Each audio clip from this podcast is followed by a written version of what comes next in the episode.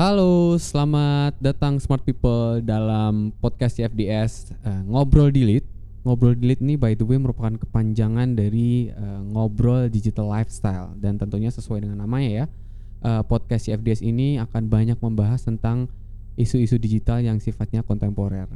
Di sini kalian bakal ditemani sama uh, saya Raka Wicaksono sebagai project officer uh, partnership di CFDS dan tentunya untuk membahas uh, topik hari ini yang cukup populer, saya ditemani oleh uh, peneliti dari Digital Intelligence Lab uh, Center for Digital Society UGM, Mas Pasca Darmawan. Halo Mas Pasca. Halo. Ya, ini ini ya uh, nantinya akan cerita banyak soal uh, salah satu riset populer yang paling terbaru ya Mas ya. Iya. Dan ini bisa dibilang memang riset populer ya. Ya bisa dibilang seperti itu. Ya karena uh, kita nanti akan ngomongin soal salah satu aplikasi yang paling banyak digunakan oleh banyak orang ya, yaitu apa mas? Spotify. Spotify, oke. Okay. Karena everywhere, everywhere, sorry, everywhere dan kapan pun itu kita mm -hmm. selalu dengerin musik ya. Iya. Bahkan kita tidur, kita bahkan di kamar mandi. di kamar mandi. Kalau ini ya, kalau earpiece-nya apa anti air ya? Ya kalau enggak kalau punya itu apa namanya yang speaker speaker, speaker kayak okay, gitu okay, okay. bisa kan. Oke. Okay. Uh, Mas Pasca ini by the way gabung uh, sama CFDS couple months ago ya. Iya, couple months ago. Cuman karyanya juga udah banyak di CFDS dan ini salah satunya uh, yaitu Mas Pasca akan nanti cerita banyak soal uh, landscape uh, Spotify di Indonesia iya, dibilang gitu atau dibilang. seperti itu. Mungkin Mas Pasca bisa ceritain overview mengenai apa yang Mas Pasca teliti dari Spotify itu sendiri? Oke, jadi awal mulanya aku memutuskan untuk riset Spotify ini karena aku penikmat musik kayak gitu ya. Kita semua penikmat musik.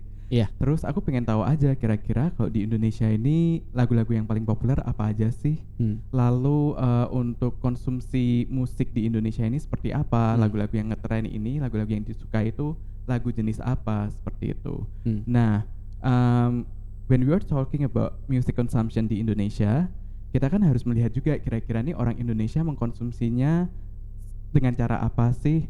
Kan kebanyakan emang orang Indonesia masih ini ya mengunduh secara ilegal yeah. bisa dikatakan seperti well. itu. Tapi kita juga bisa melihat bahwa semakin banyak orang Indonesia yang mengkonsumsi musik secara online streaming kayak hmm. gitu. Nah awalnya kita ingin melihat nggak hanya Spotify doang nih, mm -hmm. tapi YouTube. Tapi ada kendala di mana data dari YouTube ini tidak bisa diakses oleh publik seperti itu. Jadi akhirnya kita memutuskan untuk memakai data dari Spotify. Cuma di Spotify aja ya? Iya, cuma Spotify cuman, aja. Walaupun cuma di Spotify yang notabene hanya satu dari uh, jutaan aplikasi yang musik streaming ya. Iya. Cuman ini ya datanya sudah cukup banyak ya Mas ya. Iya, jadi untuk uh, data Spotify itu sendiri kita bisa um, mengambil banyak jenis data. Mm -hmm. Itulah kelebihan dari Spotify. Jadi mm -hmm.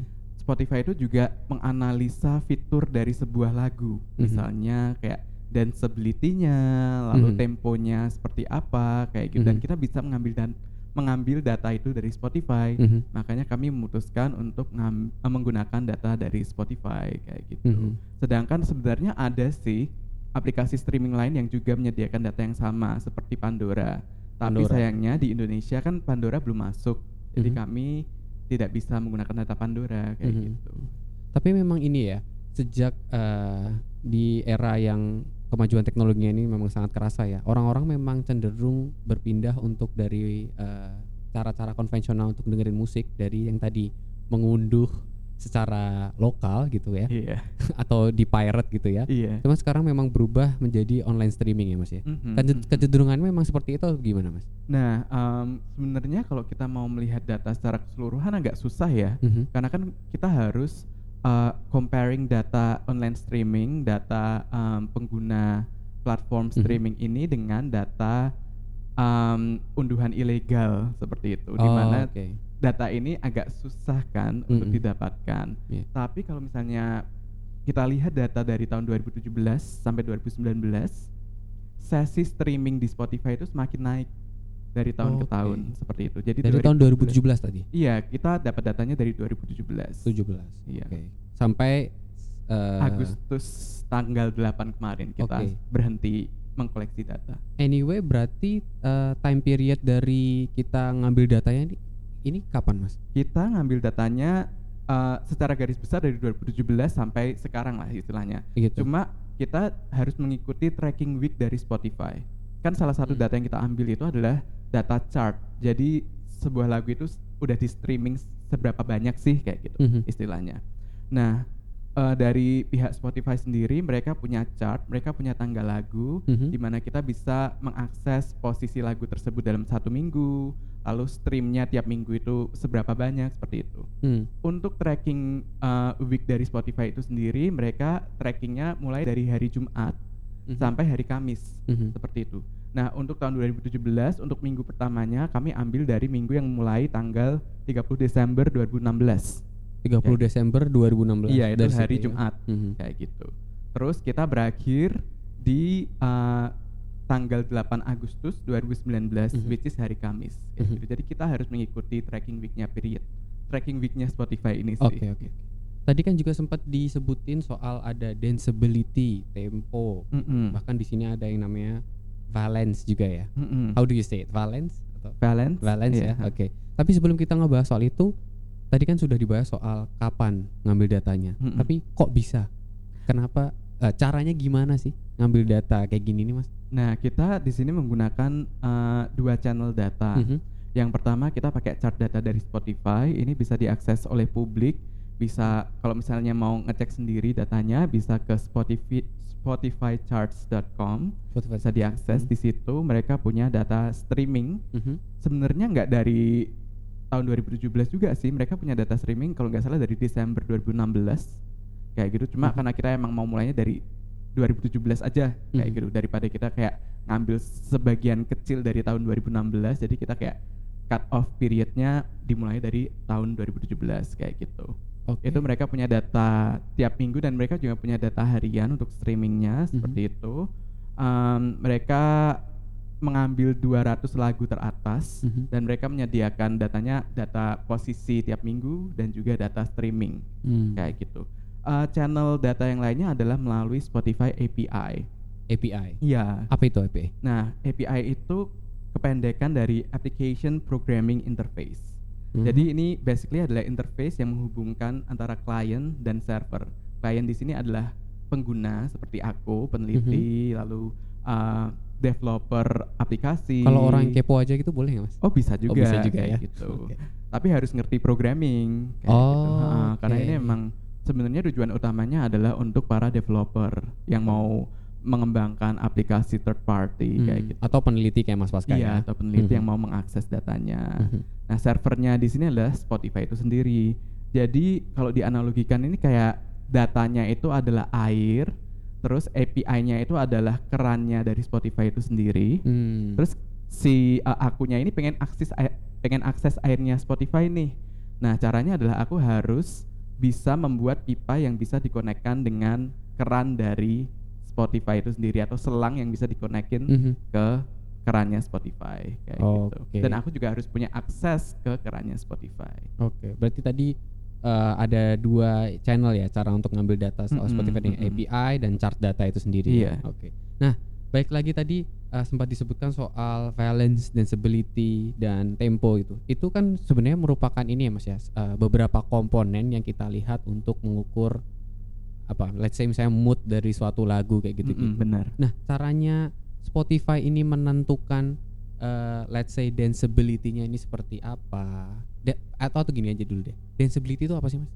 Nah, danceability itu basically adalah skor yang diberikan oleh Spotify Mm-mm. untuk mengukur kira-kira nih lagunya enak buat joget apa enggak ya, kayak gitu. Mhm. Skornya itu dari 0 sampai 1 kayak gitu. 0 itu berarti lagunya nggak bisa dibikin joget sama sekali. Satu itu lagunya jogetable banget kayak gitu Aha. lah istilahnya. Joget as in kayak yang fun joget gitu atau kayak gimana tuh, Mas? Atau Nah. nggak dijelasin juga tuh Spotify itu sebenarnya dari Spotify nggak terlalu menjelaskan. Nggak terlalu menjelaskan ya? kayak Mhm. gitu. Tapi kalau kita lihat dari pola datanya, Mhm. lagu-lagu dengan danceability tinggi ini Mhm. memang lagu-lagu yang kayak lagu-lagu dance, lagu-lagu Jedak dance jeduk. pop, jedak jeduk kayak Oke. gitu. Tapi ada juga kok lagu-lagu akustik yang emang enak buat dance kayak gitu. Misalnya kayak lagu-lagu buat dance salsa itu kan banyak yang akustik juga ya, Oke, mereka nggak oke. dance yang electronic dance kayak gitu. Iya, iya, iya. Mhm. Oke, oke. Nah, terus untuk tadi valence itu apa Mhm. tuh, Mas? Valence itu adalah basically secara simple nih ya. Valence itu mengukur kira-kira lagu ini punya positif atau negatif vibes sih. Lagunya Wih. happy atau sedih sih kayak gitu. Oh, sedih Nol. di ini ya, diartikan sebagai apa? Negatif ya. Iya, sedih, Oke. depresi, marah itu negatif. Oke. Itu skornya 0, semakin semakin 0, semakin mendekati 0, semakin sedih, semakin mendekati 1, semakin bahagia, semakin positif kayak Mhm. gitu. Nah, kalau di Spotify sendiri nih Mas, lebih banyak lagu-lagu yang valence-nya sedih-sedih atau yang seneng-seneng nih atau yang valence-nya satu yang positif Nah, kalau Spotify secara keseluruhan Mhm. susah dong, berarti harus ngambil semua ya data Kalau semua di Indonesia coba di misalnya. Spotify kan Mm-mm. kayak gitu. Kalau untuk di Indonesia sendiri, kalau kita cuma ngelihat dari valence-nya, Mhm. uh, kita ngelihat top 100 songs di Indonesia. Jadi aku punya data 100 lagu Indonesia terpopuler, terpopuler gitu. tuh berarti yang paling banyak Paling banyak streamnya. ya? Oh, paling banyak streamnya. Kalau cuma lagu Indonesia doang, which is Mhm. lagu yang dari artis Indonesia, mhm. itu kebanyakan lagu galau. oh gitu Jadi valence-nya di bawah 0,5. Oke. Jadi kalau aku misalnya ngambil data nih, ada 100 lagu Indonesia terpopuler Mhm. di Indonesia. Jadi Hmm. ini lagu Indonesia didengerin sama orang Indonesia. Mhm. Ada 100 lagu yang paling populer. Mhm. Itu 63 valence-nya di bawah 0,5. 63 valence-nya di bawah Iya, 0,5. 63 lagu di bawah 0,5. wow Kayak Berarti gitu. memang lebih banyak yang ini ya valence-nya negatif Iya, valence-nya rendah kayak gitu. apakah itu berarti orang-orang Indonesia ini suka lagu-lagu galau belum tentu Belum tentu karena juga? kalau misalnya itu kan buat lagu-lagu Indonesia ya. Oke Tapi kalau buat lagu-lagu yang kita juga ngeliat lagu Korea, lagu western, Mhm. itu ada uh, pola yang berbeda lagi kayak Mhm. gitu. Jadi ternyata lagu Indonesia tuh nggak melulu mendengarkan lagu-lagu galau kok. oh iya Mereka juga mendengarkan lagu-lagu non galau kayak gitu. oke Contohnya kayak lagu-lagu Korea itu kan kebanyakan mereka lagu-lagunya happy, energetic Oh, kayak iya, gitu iya, ya, iya, iya. positif kayak gitulah istilahnya. oke Terus lagu-lagu barat juga kebanyakan sebagian besar yang populer adalah lagu-lagu yang valence-nya positif, yang Mhm. valence-nya tinggi, skor valence-nya. Mhm. Tadi kan ini ini ya awalnya kita bahas soal valence. Kalau danceability mas Mm-mm. di Indonesia sendiri yang eh, lagu-lagu yang lebih eh, populer tuh yang danceability-nya tinggi atau rendah sih? Oke, kalau danceability ini kebetulan antara danceability sama Mhm. valence Mhm. itu ada korelasi positif. Oh Dan gitu. korelasinya Gimana cukup signifikan. Nah, maksudnya korelasi positif ini adalah ketika sebuah lagu memiliki valence yang tinggi, Mhm. keli- ketika sebuah lagu itu punya positive vibes, Mhm. mereka punya kecenderungan untuk danceable juga gitu. Jadi Oke. Iya, jadi kalau ada satu lagu nih, dia skor valence-nya tinggi, which Mm-mm. means lagunya ini punya positive vibes, Mhm. dia kemungkinan besar juga skor danceability-nya tinggi. Mhm. Lagu ini juga enak buat dibikin joget kayak gitu. Mhm. Nah, dari hasil penelitian yang aku lakukan, yang sudah aku omongin juga Mhm. tadi, orang Indonesia ini kan punya kayak apa ya, dua polar lah istilahnya. Jadi mereka juga suka lagu galau, tapi sebagian juga suka lagu yang dance, suka Equal lagu ya ya? happy, Hmm. equals kayak gitu. Nah, when we are talking about danceability itu juga berlaku karena seperti yang aku bilangin tadi, ada Mhm. korelasi positif antara valence sama danceability. Mhm. Jadi sebagian orang suka lagu-lagu yang mellow gitu ya, lagu-lagu Hmm. yang apa ya istilahnya ballad gitu, lagu slow yang nggak bikin joget kayak gitu. Mhm. Tapi sebagian juga suka lagu yang danceability-nya tinggi kayak gitu. Hmm. Nah, kalau eh, ini Mas, korela tadi kan ada korelasi positif ya antara Mm-mm. valence dan danceability di mana kalau valence-nya tinggi atau positif, danceability-nya juga makin tinggi gitu. Mm-mm. Tapi ada nggak lagu-lagu yang tidak sesuai dengan eh, asumsi Mas Pasca tadi gitu. Jadi misalnya valence-nya tinggi tuh, berpositif kan ya berarti ya. Cuman dia danceability-nya malah rendah. ada, ada. Ada ya lagu-lagu kayak gitu ya. Jadi misalnya salah satu contohnya adalah lagunya Payung Teduh Akad. Oh, yang trompetnya bisa di setel 10 jam tuh ya Mas? Mm, mm, mm, mm. Jadi itu kan uh, valence-nya tinggi tuh. Jadi Aha. lagunya kayak lagu-lagu yang giving positive vibes, kayak Vibes, gitu oke. lah. Ha-ha. Tapi danceability-nya nggak tinggi-tinggi amat. Menurut kayak Spotify? gitu. Iya, menurut Spotify. Oke. Kayak gitu. Oke. Terus oke. ada lagu lain juga, uh, Hmm. Marion Jola yang jangan misalnya. Hmm, tahu tahu Kayak tahu. gitu. Itu juga valence-nya positif, Mm-mm. tapi danceability-nya menurut Spotify juga nggak terlalu tinggi. Nggak terlalu tinggi. Cuman memang secara pattern harusnya kalau valence-nya tinggi, danceability-nya juga tinggi iya, ya ada ada kecenderungan seperti itu. Aha, Oke, tadi kita udah ngebahas soal valence dan eh, apa soal danceability. Hmm. Kalau tempo, Mas, orang Oh. Indonesia ini suka yang BPM-nya tinggi, yang temponya cepot gitu, atau yang slow-slow aja. Gitu. Nah, ini Atau juga imbang. ada ada korelasi positif nih antara tempo sama danceability kayak Oh, gitu. gitu. Emang kebanyakan lagu-lagu yang dance ini kan temponya cepet-cepet Iya. gitu ya. hmm. Kayak gitu. Nah, tapi ada satu masalah ketika kita melihat uh, tempo, data tempo dari Spotify. Mhm. Karena ada beberapa lagu yang agak miss perhitungan temponya. Nah, Oh, ini kita juga nggak tahu kenapa bisa miss ataukah kira-kira uh, Spotify punya uh, sistem penghitungan yang sendiri kayak gitu. Hmm. Jadi kayak akhirnya karena kita melihat ada beberapa ketidaksesuaian data, Mhm. kita akhirnya tidak meneliti lebih lanjut tentang tempo. Mhm. Tapi kita me- melihat korelasi tempo dengan variabel-variabel lain seperti Mhm. danceability, acousticness dan lain sebagainya. Kayak Mhm. gitu. Nah, kalau dilihat dari korelasinya ada korelasi tinggi antara valence sama danceability Mhm. kayak gitu. Oke. Nah, setelah kita ngomongin soal nuansa lagu eh, yang positif vibes lah, negatif vibes, bisa dia bisa bikin kita joget atau enggak. Kira-kira eh, lagu apa nih, Mas yang paling banyak diputar di Indonesia dari tahun sesuai inilah sesuai timeline penelitiannya lah. Tadi an- bisa dilihat dari tahun 2017 ya. Mm-mm, 17 mm-mm. sampai 19 itu yang paling banyak diputar lagu siapa sih, Mas?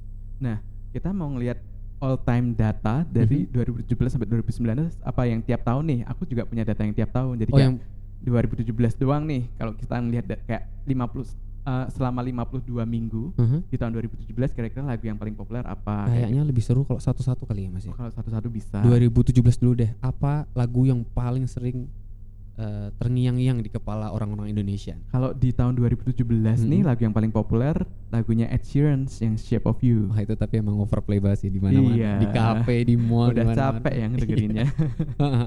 Terus eh, untuk tahun selanjutnya 2018, 2019, Kalau 2018 ini ada lagunya Anne Mary yang 2002. 2018. Iya, itu tahun 2018. Anne Mary yang 2002. Iya. Saya malah nggak pernah tahu tuh lagu kayak gimana. Tapi anyway, itu berapa juta mas? Yang itu untuk yang udah ngeplay? Yang Anne Mary. 2002, heeh. uh, streamsnya 19,2 juta di tahun 2018 aja ya ini. Heeh. Itu Banyak 19,2 juta. Padahal lagu ini keluar Di tahun, yang sama di sih, tahun yang sama. 2018 juga. Kalau Ed Sheeran yang apa Perfect ya tadi ya? Uh, Shape of Oh, You. Shape of You, sorry. Yang 2017 itu Uh-uh. 21,5 juta. Berarti lebih banyak Ed Sheeran ya? Iya, lebih banyak tapi Ed Sheeran ini Heeh. gapnya dengan yang nomor 2 itu juga jauh banget. Jadi kan yang paling populer di, di 2017 17, heeh. itu Shape of You. Shape of You. Nomor 2-nya The Chainsmokers uh, Something Just Like This. Heeh. Nah, tadi aku bilang Ed Sheeran Shape of You streamsnya 21 juta. Mhm. Si The Chainsmokers ini Mhm. streamsnya 16,9 juta. Jadi jaraknya 45 jutaan ya. 45 juta jauh cukup banget. jauh ya. Kalau dari 2019 Mas, lagu paling populer apa? Nah, 2019 ini kan kita baru koleksi data sampai Iya. Agustus tanggal 8 kemarin. Iya. Jadi masih ada kemungkinan nanti setelah 2019 Oh, masih ada selesai ya. Hmm. listnya bakalan berubah. Berubah. Tapi so far, so far yang paling populer itu lagunya Alan Walker yang On My Way. iya. Oke, oke. On my way. Itu by the way itu kan konteks Indonesia ya. Mm-mm. Nah, dari tiga lagu yang uh, paling populer nih antara tahun 2017 ada Ed Sheeran dengan Shape of You, Mm-mm. 2018 ada lagu yang saya tadi nggak pernah dengerin apa Anne Mary ya. Anne Mary, Anne Mary yang 2002, 2002. 2002 ya. Heeh. Terus ada yang terakhir Alan Alan Walker ya. Iya. Ya. Nah, ini kira-kira bisa dianalisis nggak sih Mas? Ada pola nggak? Misalnya kayak oh eh, dari tiga lagu ini ternyata valence-nya sekitaran 0, berapa nih atau malah Hmm. justru kayak satu semua nih gitu. atau gimana? Hmm. Nah, kalau untuk uh, jadi emang apa ya? Hmm. Karena memang orang Indonesia ini kan beragam ya. Mhm. Kita ini bineka tunggal ika gitu. Kita beragam banget orangnya. Oke. Jadi kalau kita melihat secara general Mhm. agak susah diambil satu kesimpulan oke orang Indonesia sukanya lagu yang jedak jeduk Mhm. atau oke orang Indonesia ini sukanya lagu-lagu yang happy happy doang nih Mhm. karena memang di uh, kumpulan lagu-lagu terpopuler itu sendiri Mhm. sebagian itu lagunya lagu-lagu happy lagu barat yang kebanyakan lagu-lagu pop dance kayak gitu. Tapi sebagian adalah lagu-lagu Indonesia yang emang lagu-lagu akustik lebih slow lebih galau-galau Mhm. dikit gitu ya istilahnya. Jadi emang agak susah kalau kita mau mengambil generalisasi oke okay, Indonesia nih cenderung suka lagu dance ya. Indonesia nih suka lagu yang happy ya karena emang datanya kalau dilihat dari datanya emang ada kayak semacam dua cluster kayak gitu Mm -hmm. dan dua-duanya ini juga kurang lebih seimbang lah jumlahnya kayak gitu Oke. Okay. Tapi itu kan tadi ini ya konteks Indonesia ya. Bisa dibilang memang eh, orang-orang Indonesia lebih prefer eh, dengerin eh, musik-musik yang asalnya dari barat. Mm-mm. Atau menurut Mas gimana? Nah, kalau untuk dari originnya sendiri nih, Hmm. lagunya lagu barat kah, lagu Korea kah, lagu Hmm. Indonesia kah? Ini ada temuan menarik sebenarnya. Jadi, waktu uh, di tahun 2017 di data-data awal, Mhm. kita ngelihat emang lagu-lagu yang populer nih kebanyakan adalah lagu-lagu barat Mhm. kayak gitu. Hampir uh, sebentar aku lihat datanya dulu ya. Mhm. Tapi kalau nggak salah sekitar mendekati 80% Mhm. dari top 100 songs Ya. di tahun 2017 itu Hmm. adalah lagu-lagu yang berasal atau ya- lagu-lagu yang dibikin dibawakan oleh artis barat. Artis barat ini adalah artis Amerika, Mhm. Inggris, Anglo-Saxon lah pokoknya Eh, istilahnya. kayak Itu gitu. konteks Indonesia ya Mas ya? Iya, ini kita kita bicarain semua data dari pendengar di Indonesia. Pendengar Indonesia. Mm-mm, Oke. Pendengar di Indonesia. Nah, terus nasib lagu-lagu Indonesia tuh Nah, let's say di 2017 aja deh. kalau di mana sih, Mas? 2017 emang masih sedikit yang dengerin lagu Indonesia. Paling tinggi apa? Lagu Indonesia yang eh, chartnya paling tinggi ini. di 2017 apa ya? Bentar ya, aku harus ngeliat datanya dulu Oke juga oke oke nih. oke. Sambil Ha-ha. sambil dilihat datanya, em, mungkin ini ya eh bisa dilihat juga gimana kondisi lagu-lagu yang non eh, Barat dan juga non Indonesia. Kayak misalnya lagu-lagu Korea gitu mas. Karena banyak juga kan ya fanbase K-pop K-pop di Indonesia kayak gitu gitu. Mm-mm. Itu mereka ada di posisi di, di mana tuh? Kalau di top 100 songs tadi. Nah, kalau lagu-lagu Korea sendiri, kalau top 100 songs Mhm. itu udah mulai bermunculan ya. Mhm. Memang kalau untuk tahun 2017, asumsi aku sih karena pengguna Spotify di tahun 2017 masih belum sebesar 2018 atau 2019 ya. Iya. Jadi memang kayak kebanyakan yang mendengarkan eh, kebanyakan pendengar Spotify di tahun 2017 juga cenderung mendengarkan lagu-lagu barat kayak gitu. Mhm. Tapi di, di tahun 2018 dan 2019 sudah banyak kok yang dengerin lagu lokal, udah banyak juga yang dengerin lagu Korea. Mhm. Nah, kalau kita ngelihat data dari 2017 sampai 2019 kita akumulasi semua datanya, kita agregat, Mhm. itu ada beberapa lagu Korea yang masuk top 100 juga Oh misalnya. ini lagu Korea ya? Apa bahkan itu, masuk Mas? top 10 kayak lagunya Jennie yang solo. Oke. Itu masuk di peringkat 8. Kayak Peringkat gitu. 8 dari 100 itu tadi ya? Iya, dari dari 2017. semua dari uh, Oh, awal oke. sampai akhir. Oke Kayak oke gitu. oke oke. Kalau 2017 sendiri belum ada yang masuk top 10, masih masih sedikit lagu Koreanya. Oh, berarti Jadi memang ada perubahan ini sih, ada shift um, apa namanya Taste konsumsi musik. Oh konsumsi gitu. musik ya. Dari yang tadinya emang cenderung lagu-lagu barat, terus akhirnya di tahun 2019 ini semakin diverse kayak Mhm. gitu. Let's say misalnya di 2018 nih mas ya, Mm-mm. yang di mana pengguna Spotify pasti udah jauh lebih banyak daripada tahun 2017. Mm-mm. Itu eh, top 10 eh, songs di Indonesia memang lebih banyak didominasi oleh lagu-lagu yang eh, berasal dari Barat ya. Kebanyakan dibilang masih gitu. kebanyakan masih lagu barat. Jadi Kebanyakan. dari 10 lagu nih misalnya Hmm. kita ambil top 10 aja nih tahun Hmm. 2018. Itu aku hitung dulu ya 1 2 3 4 5 6. Dari 10 lagu itu 6 dari artis barat. Sisanya? Sisanya ada oh maaf 7 dari artis barat. Oke. Sisanya itu ada satu dari artis Korea yaitu Blackpink, lagunya Blackpink. Dududu. Aduh, ya. Terus ada dua dari eh, artis Indonesia, lagunya Arsi Widianto yang dengan caraku dan Oh, lagunya wow, Jazz itu- itu yang masuk teman bahagia. ya? Ya itu masuk top 10 di tahun 2018. Oke, Kayak gitu. Jadi oke. semakin ke sini sebenarnya semakin banyak lagu Indonesia dan lagu Korea yang masuk top 10. kayak gitu. Hmm, oke. Nah, tapi kan tadi kalau kita lihat-lihat kan dari tadi em, Ed Sheeran, Shape of You, terus Alan Walker itu kan let's say ini ya bisa dibilang artis kontemporer ya. Mereka mungkin baru keluar di 2000-an ke atas lah istilahnya. Kalau lagu-lagu lama nasib mereka di ranah Spotify ini seperti apa, Mas? Nah, memang eh, beberapa lagu yang populer di Indonesia ini kebanyakan lagu-lagu baru nih.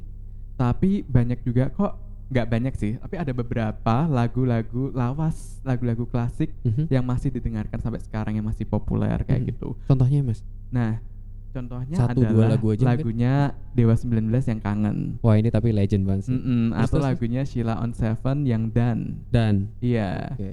Gitu.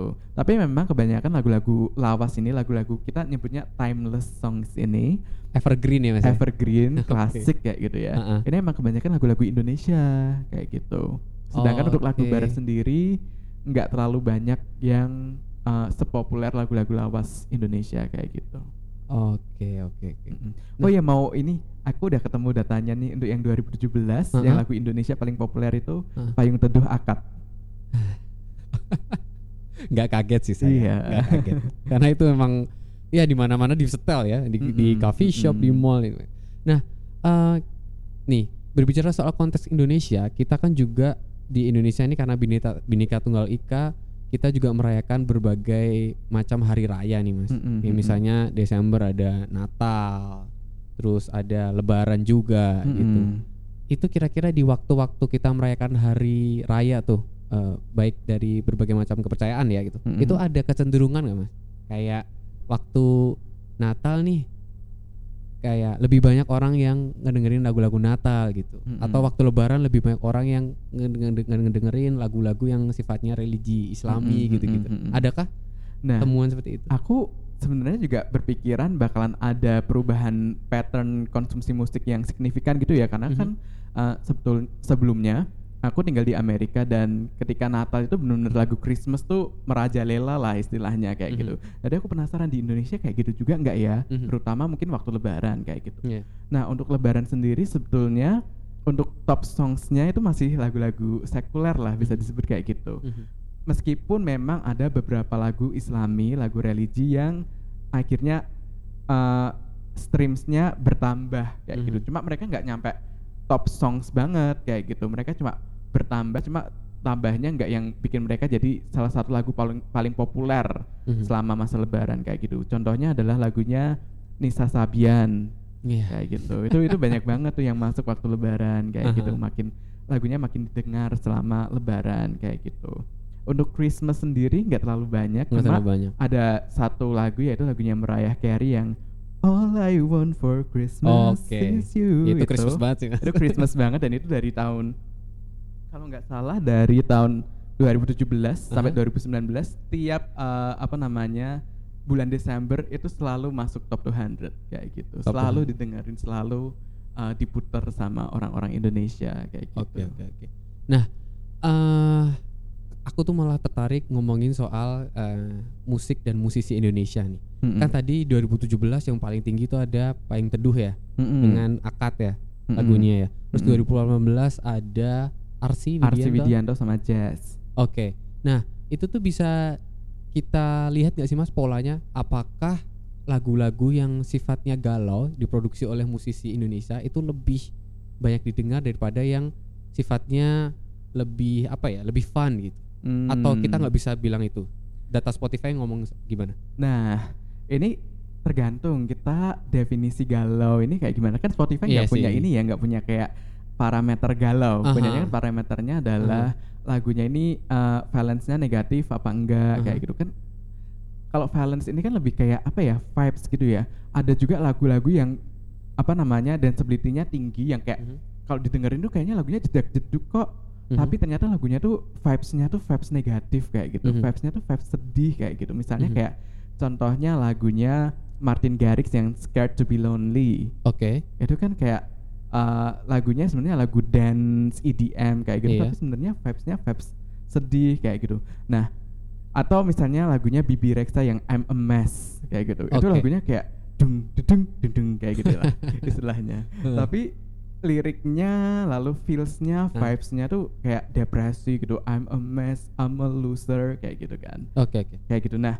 kalau dilihat dari lagu-lagu Indonesia Mhm. aku ngelihat berdasarkan dua hal nih satu berdasarkan dari valence-nya lalu juga berdasarkan dari valence dan danceability jadi aku cross dua variabel Oh. kalau ngelihat dari valence-nya seperti yang aku udah omongin tadi mhm. 63 dari 100 lagu terpopuler di, di Indonesia itu valence-nya rendah jadi cenderung emang vibesnya vibes vibes negatif sedih gitu ya, ya sad boy ya. songs kayak gitu sad boy club ya mas Ha-ha. Tapi kalau misalnya kita cross antara Valence sama Danceability, jadi kita nyarinya yang Valence-nya rendah, Mhm. Danceability-nya juga rendah nih. Jadi Mhm. kayak benar-benar lagunya mellow banget kayak Mhm. gitu. Udah sedih, mellow, slow kayak gitu. Hmm. Itu cuma 23 lagu doang dari 100 kayak gitu. Jadi it- once again it depends on how you define lagu galau. Kalau kamu define-nya lagu galau adalah lagunya nggak cuma nuansa sedih doang, tapi juga lagunya harus yang pelan, yang yang nggak bisa bikin joget. Mhm. itu cuma 23 sebenarnya dari Mhm. 100 tapi kalau kamu cuma define-nya lagu galau itu ya pokoknya vibe-nya sedih. Mau bisa dibikin joget lah mau upbeat mau apa. Mhm. kayak gitu. Selama apa namanya uh, vibes-nya vibes negatif sedih itu ada 63 ada banyak ternyata. Mhm. Nah, nih Mas, eh, ngomongin soal tadi violence and danceability, itu pas Mas pasca neliti soal ini dapat data dari Spotify dan eh, dianalisis ya gitu. Mm-mm.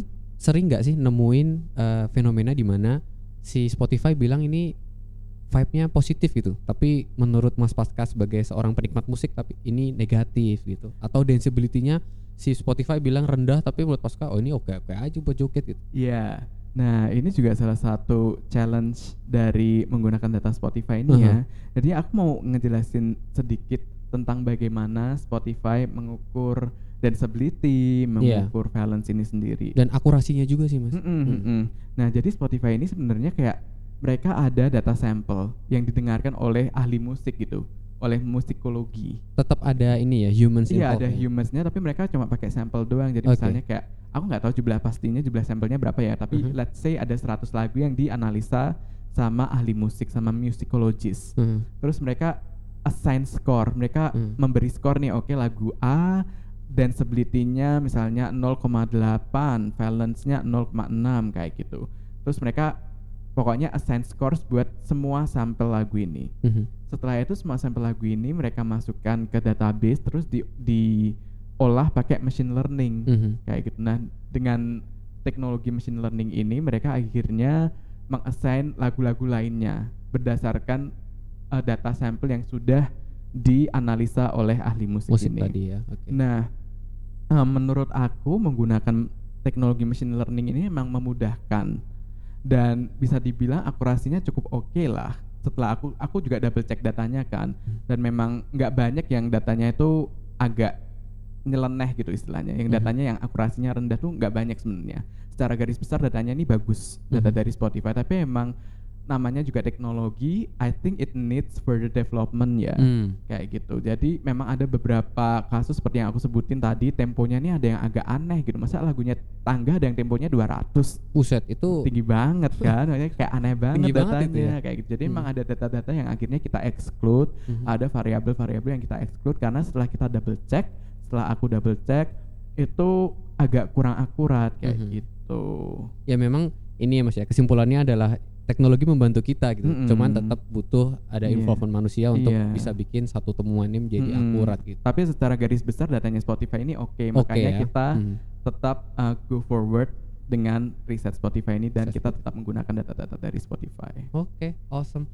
Tadi ba- dapat banyak insight ya soal siapa yang paling merajai tanggal lagu di Indonesia tadi tahun 2017 sampai 2019. Nah ini mas, sebagai penutup, eh, saya pengen eh, tahu dong, kira-kira ada nggak temuan menarik kayak misalnya artis yang paling eh, cepat melejitnya tuh, paling Hmm. paling tiba-tiba langsung banyak didengar sama orang gitu. Ada Mm-mm. kayak kayak gitu-gitu atau yang lain misalnya? Oh iya ada ada beberapa temuan kayak gitu.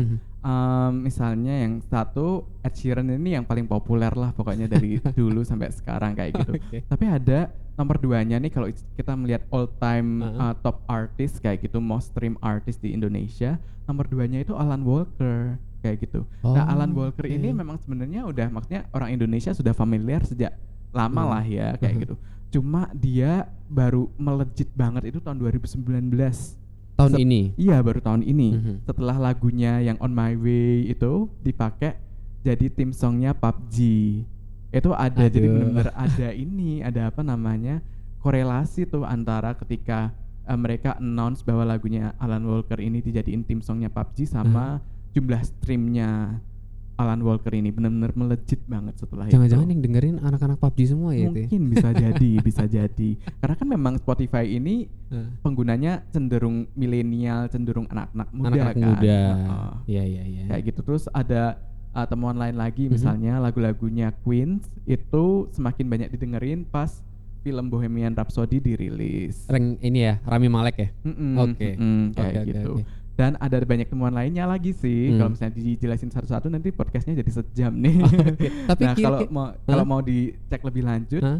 kita bikin artikel Digital Intelligence Lab ini aku sama asisten aku bikin artikel yang bisa diakses di Di mana tuh, Mas? Tautan ugm.id slash Spotify ugm.id slash Spotify Nah, Gitu. itu teman-teman Mm-mm. kalau misalnya pengen eh, tahu lagi siapa sih kira-kira yang mendominasi nih ranah permusikan Indonesia, Mm-mm. bisa dicek eh, riset populer dari teman-teman Digital Intelligence Lab CFDS tadi di ugm.id slash Spotify Spotify. Oke. Oke, eh, saya kira ngobrol-ngobrol delete-nya ini nggak delete juga ya? Delete Iya. atau nggak delete ini? ya namanya kalau ngebahas sesuatu yang fun kayak gini Nggak ada habisnya ya, Mas. so quickly Oke, ya. oke. Tapi anyway itu saja dari ngobrol delete eh, episode yang membahas soal Spotify. Jangan lupa teman-teman juga bisa eh, pantengin terus update dari Center for Digital Society. Kita ada di semua kanal media sosial, ada di Instagram, Facebook, Twitter, Line dan apa pun itu pasti ada kita gitu. Teman-teman tinggal search aja Center for Digital Society di browser kalian pasti akan keluar gitu. Dan sekian dari saya Raka Wicaksono bersama dengan Pasca Darmawan dari Center for Digital Society. We're checking out. Dadah. bye